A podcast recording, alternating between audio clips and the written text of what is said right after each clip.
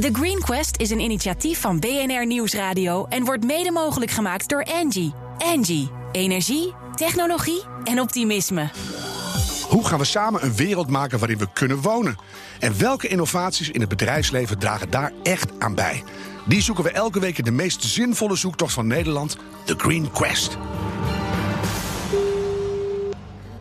Hallo, Starbucks Febo. Dag met Harm Edens van BNR Nieuwsradio, The Green Quest. Hoe goed is jouw contact met de koffieboeren?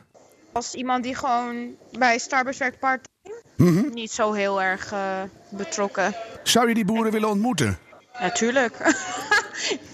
Ja, maar het lijkt mij zo'n goed idee dat als je die koffie verkoopt, dat je ook weet wie het maakt. ik weet niet precies hoeveel winkels we nu hebben in het hele land. Mhm. Maar als u weet hoeveel er zijn, dan kunnen ze natuurlijk niet iedereen elke keer sturen naar die boeren. Nee, maar ik, ik hoor bij dat jou. zou ook die boeren vervelend vinden. Ja, dat is waar. ons vermaken. Ja, dat is waar. Wat zou jouw eerste vraag zijn aan een koffieboer?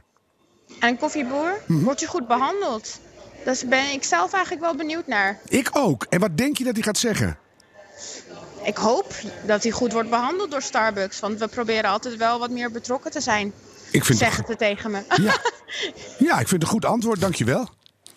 Lief meisje. Vandaag gaan we Mono Packaging toevoegen aan de Green Gallery. G. Mono komt zijn wegwerp koffiebeker presenteren. En jurylid Marleen Prins gaat daar eens kritisch naar kijken.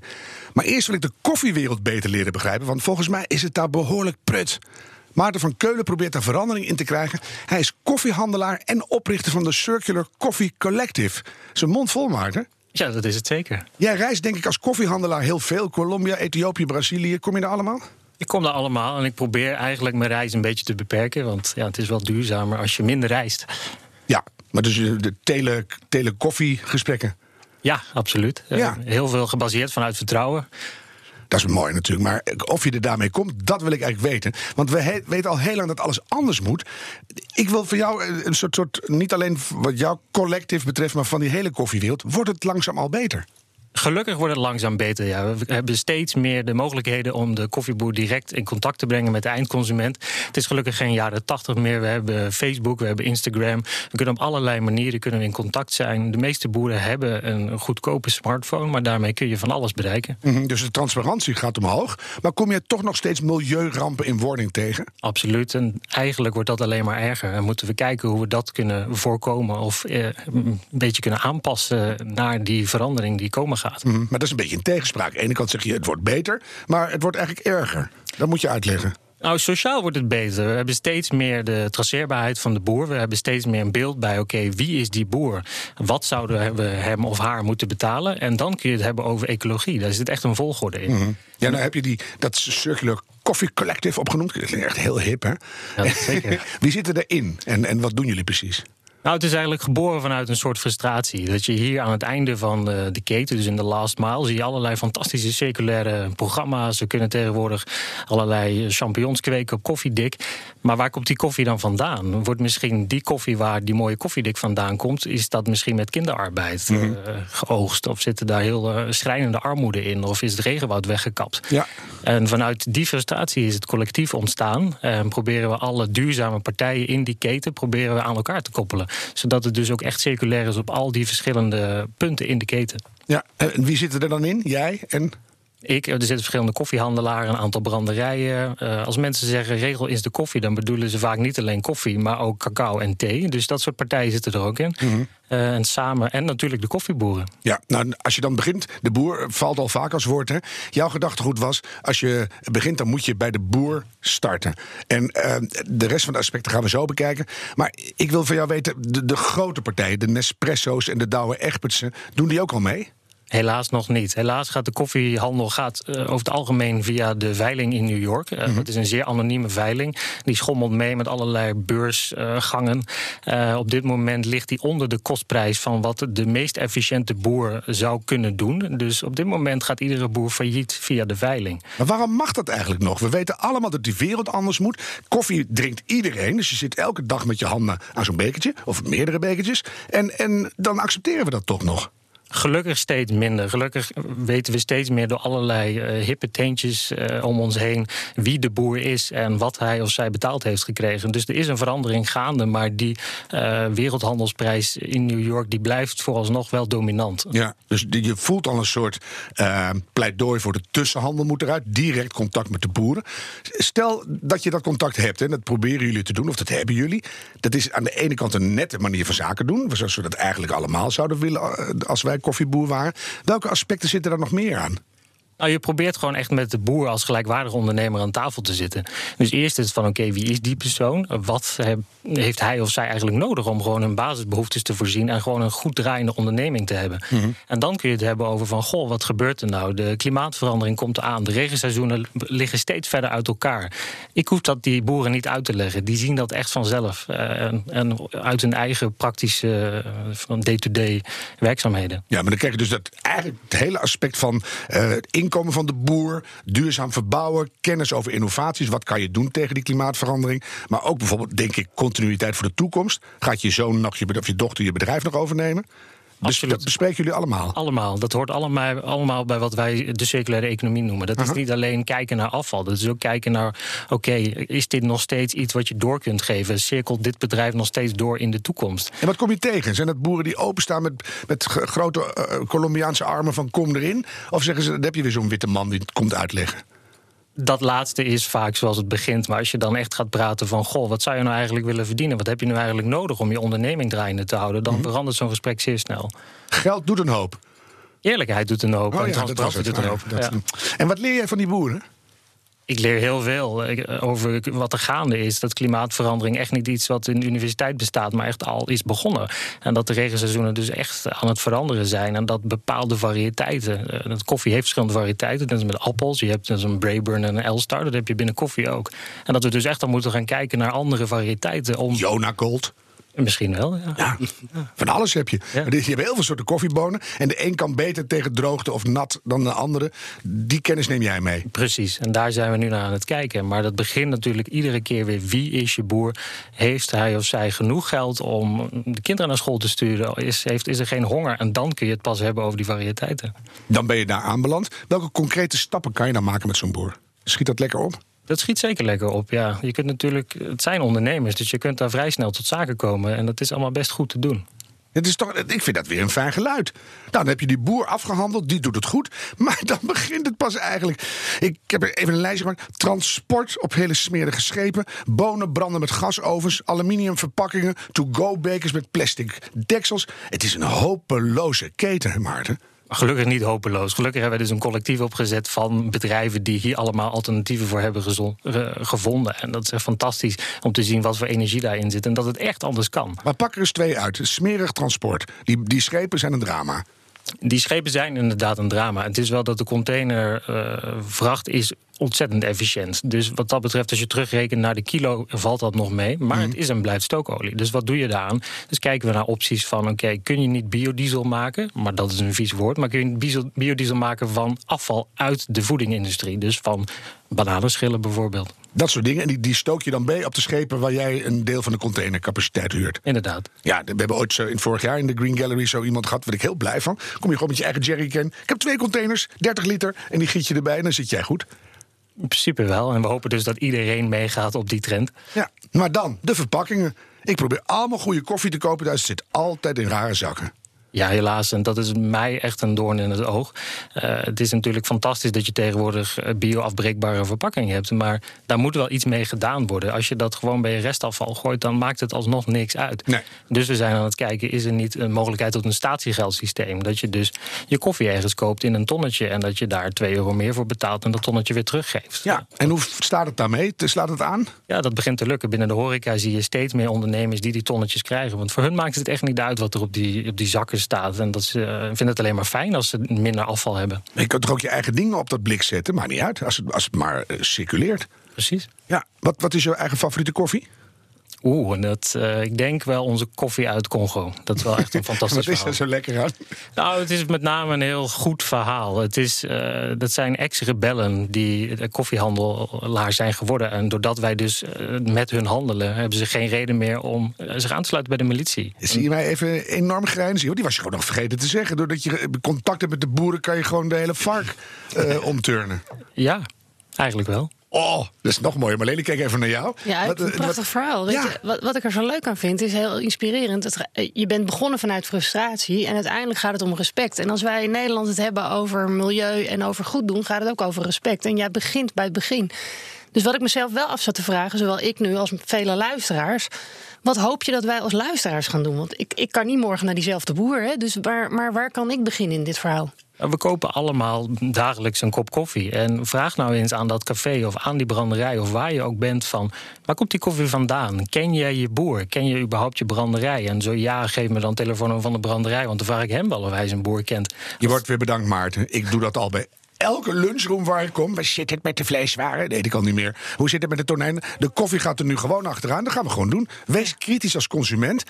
Heb jij het gevoel dat Douwe Egberts en Illy en al die grote partijen al een beetje zenuwachtig van jou beginnen te worden? Ik hoop het wel. Je weet het niet, hè? Nou, ik zie wel wat bewegen, gelukkig. Want ja? ze zien wel dat die wereldhandelsprijs dat dat het niet, niet gaat worden. Nee. En dat is dus echt direct contact met die boer. Daar is steeds meer vraag naar vanuit de jongere generatie en ook steeds meer mensen. En als die transparantie echt gaat werken, dan willen we die oude dingen niet meer. Precies.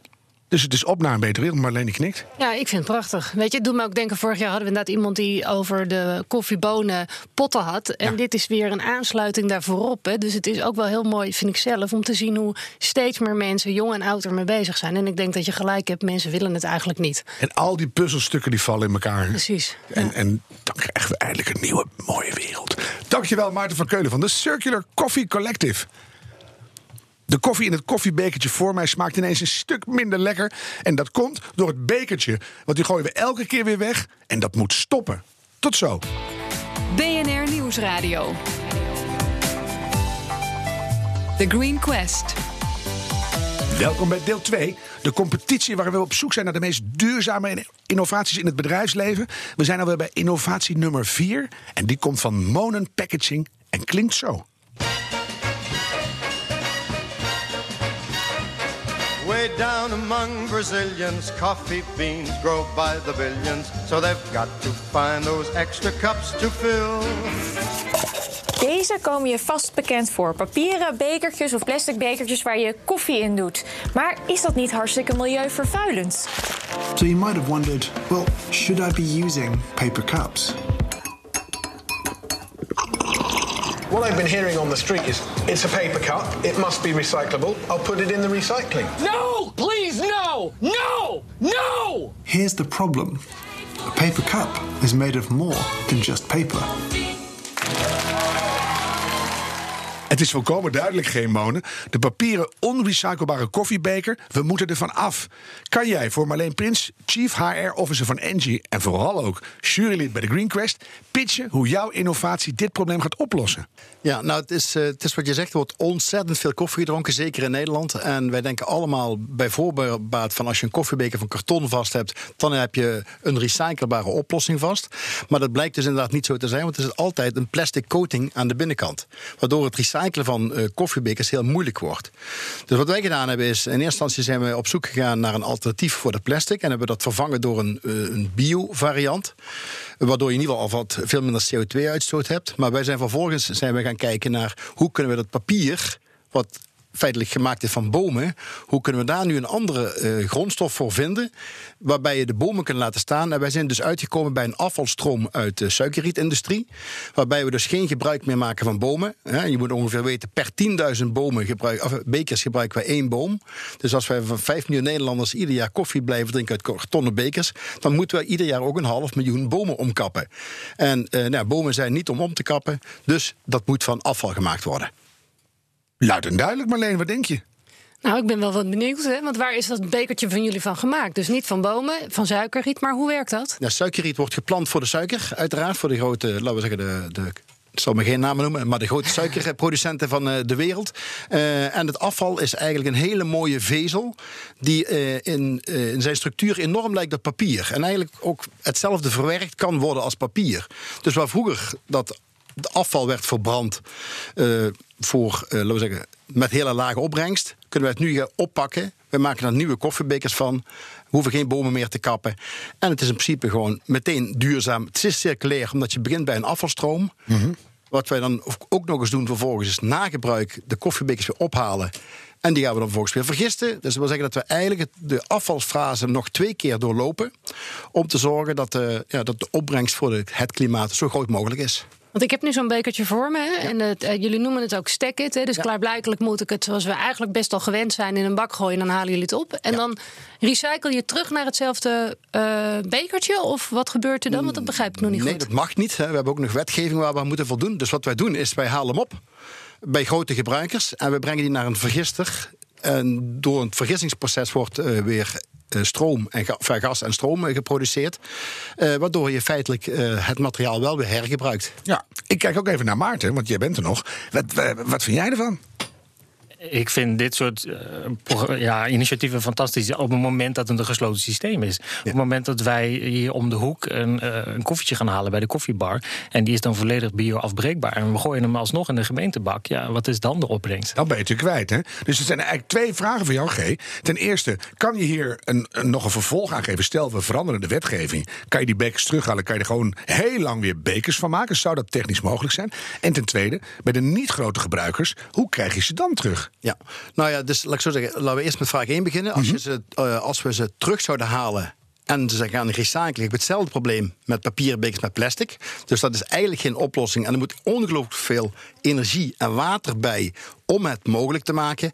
En je kunt op die manier ongeveer 50% van het materiaal terugwinnen. Dus dat vinden wij te weinig. Wij, kunnen eigenlijk, wij kijken liever naar een oplossing waarbij je geen energie en water toevoegt, maar eigenlijk energie creëert, mm -hmm. als het ware, en compost uiteindelijk.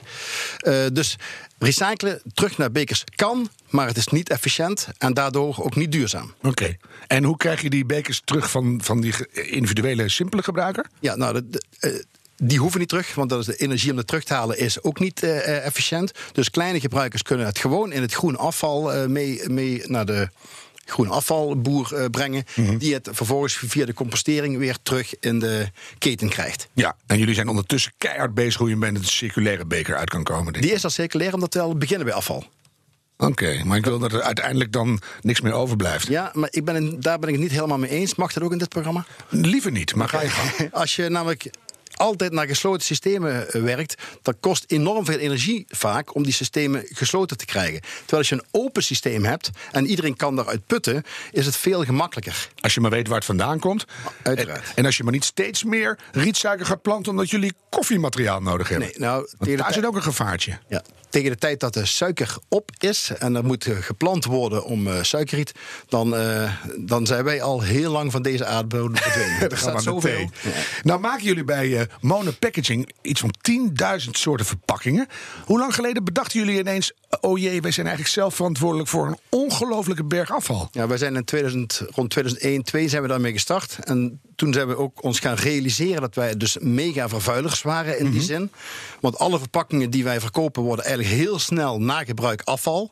Met, uh, met als gevolg dat wij dus eigenlijk een mega gat in de planeet aan het te maken zijn. Want heel veel is van plastic of van bomen. Ja. En we zijn eigenlijk sinds 2001 gestart om te kijken hoe kunnen we de grondstof die wij gebruiken voor onze verpakkingsmaterialen een betere bron geven. Liefst een afvalbron of een hernieuwbare bron of een recyclebron. Ja. Maar dat we in ieder geval geen nieuwe materialen gebruiken. Ja, dat is mooi. En nou ben je 18 jaar bezig. Ben je nu lekker helemaal uh, klaar?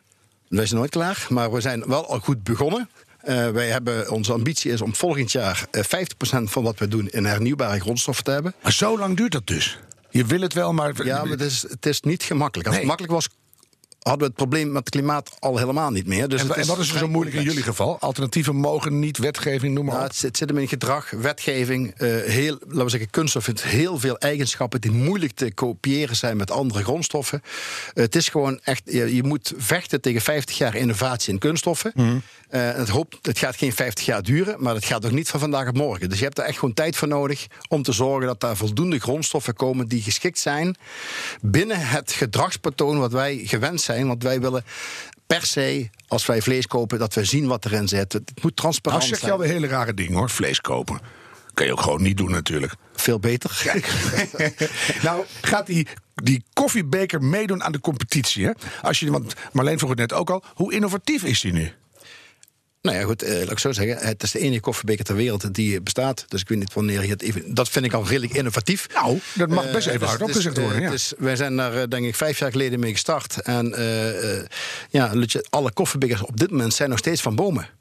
En wij kappen nog steeds een half miljoen bomen per jaar... om de Nederlanders van koffie te voorzien. En dan heb ik het alleen maar over Nederland. Ja, dat is bizar. Ja, dat is veel, hè? Ja, ja. Je staat er niet altijd bij stil. Het is ook zo grappig, hè? Want als je, ik heb verschillende koffiebekers voor mijn neus, maar je ziet het verschil niet, je voelt het niet. Hè? Dus voor mij als gebruiker maakt het me echt niet uit. Dus het gaat om een stuk lef hebben om het te ontwikkelen. Dat vind ik wel stoer. En ook als bedrijf om ervoor te kiezen. Ik had wel nog de vraag: eh, heel veel bedrijven denken ook: wat is nou handig? Hè? Een koffiebeker, plastic of dan nu deze, hè? of gewoon weer terug naar de oude mok. Ja, nou bedankt voor deze vraag, want dat is een misverstand dat ik graag uit de wereld wil helpen.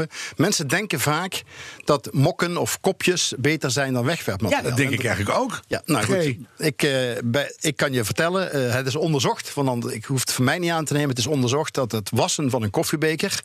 Hè, in gebruik van eh, water, warmte en chemie... vele malen slechter is dan het gebruik van een uh, suikeriet koffiebeker... eh, Ja, een PLA-coating. En is dat omslagpunt berekend? Als ik bereid ben om mijn mok mee naar BNR te nemen... en die gebruik ik op maandag, dinsdag, woensdag en donderdag... en dan was ik hem pas af? Dan ben je het weekend ziek. Wat zit jij te kijken, Maarten? Wat vind jij? Nou, op het moment dat je dus die bekers van Monen gebruikt, dan is dat inderdaad zo. Maar helaas zijn we daar nog niet. En dus is het op het moment dat je dus wel van die nog wat slechtere bekers gebruikt, die dus wel van bomen zijn of van plastic, ja, dan heeft het denk ik wel zin om je mok mee te nemen. Dus zo, zo, dat is dat gedrag ook wat jij bedoelt, hè? Dus, Kijk, ja. een, een mok eh, eh, is gewoon veel slechter in de totale levenscyclus van een mok. En eh, dat is gewoon. Ik snap dat iedere consument denkt dat dat wegwerpen per definitie slechter is. Dat is het normaal gedachtepatroon. Maar het is echt onderzocht. Een mok is minimaal tien keer slechter dan een uh, suikerie koffiebeker. Ja, dat, dat, dat laten we dan voor jou. Hè? Want vorige week riepen we ook een aantal statistieken... waar we nu op Twitter echt helemaal mee om de oren geslagen worden. Van kloppen die cijfers wel? Nou ja, G van Monopackaging die zegt tien keer slechter. Wij zeggen uh, oké. Okay. Maar dan de prijs van deze schitterende nieuwe beker. Ja. Die is vast peperduur. Nee, dat valt op zich wel mee. Dat is wel. Uh, Verkeerde woordspeling, hè? ja, peperduur. Peperduur. Oh ja.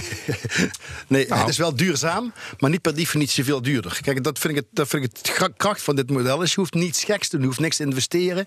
En je koopt gewoon een andere beker, ziet er hetzelfde uit, maar doet niet slecht wat de andere beker wel doet. Maar zeg het nou maar gewoon. Als het ik is, een ouderwetse ik denk dat die, plastic... ik denk dat die 10, 15 procent duurder zal zijn. 10 procent? Ja. Oh. Wat denk je dat een bekertje kost? Oei, 2 cent? Echt serieus? Niks. Dat vind ik wel heel weinig. Je mag toch, da daarom pak je ze ook zo makkelijk. Dus daarom is de, de, de stap naar een duurzame koffiebeker is ook heel gemakkelijk en klein. Ja. Jeetje. Ja. Maarten. Mag ik daarna gaan toevoegen dat als wij allemaal als consumenten 3 cent meer betalen voor een kopje koffie, dat de boer uit de problemen is? Oh, zeg het maar niet hardop ook, hè. Dan moet die cent wel naar de boer. Met, en dan meteen gewoon gaan brengen ook. Het liefst wel. Ja, wat is nou 3 cent als je goede koffie hebt, Marleen? Is toch fijn? Ja, fantastisch. Ja. Nou, dat brengt me wel op de vraag, want hier zitten ook boeren aan de grondslag natuurlijk. Ja, ja suikeriet wordt ook door de landbouwers gemaakt. En uh, dus in de, in de vroegere fase werd het verbrand en heeft weinig opbrengst in de verbranding. En nu is het een, als grondstof is het gewoon veel meer waard. Nou, dan zijn we eruit. We gaan allemaal samenwerken. Dan moet het goed komen met de koffie. Dank jullie wel. Marleen Prins, HR-officer van Engie en vast jurylid van de Green Quest. G.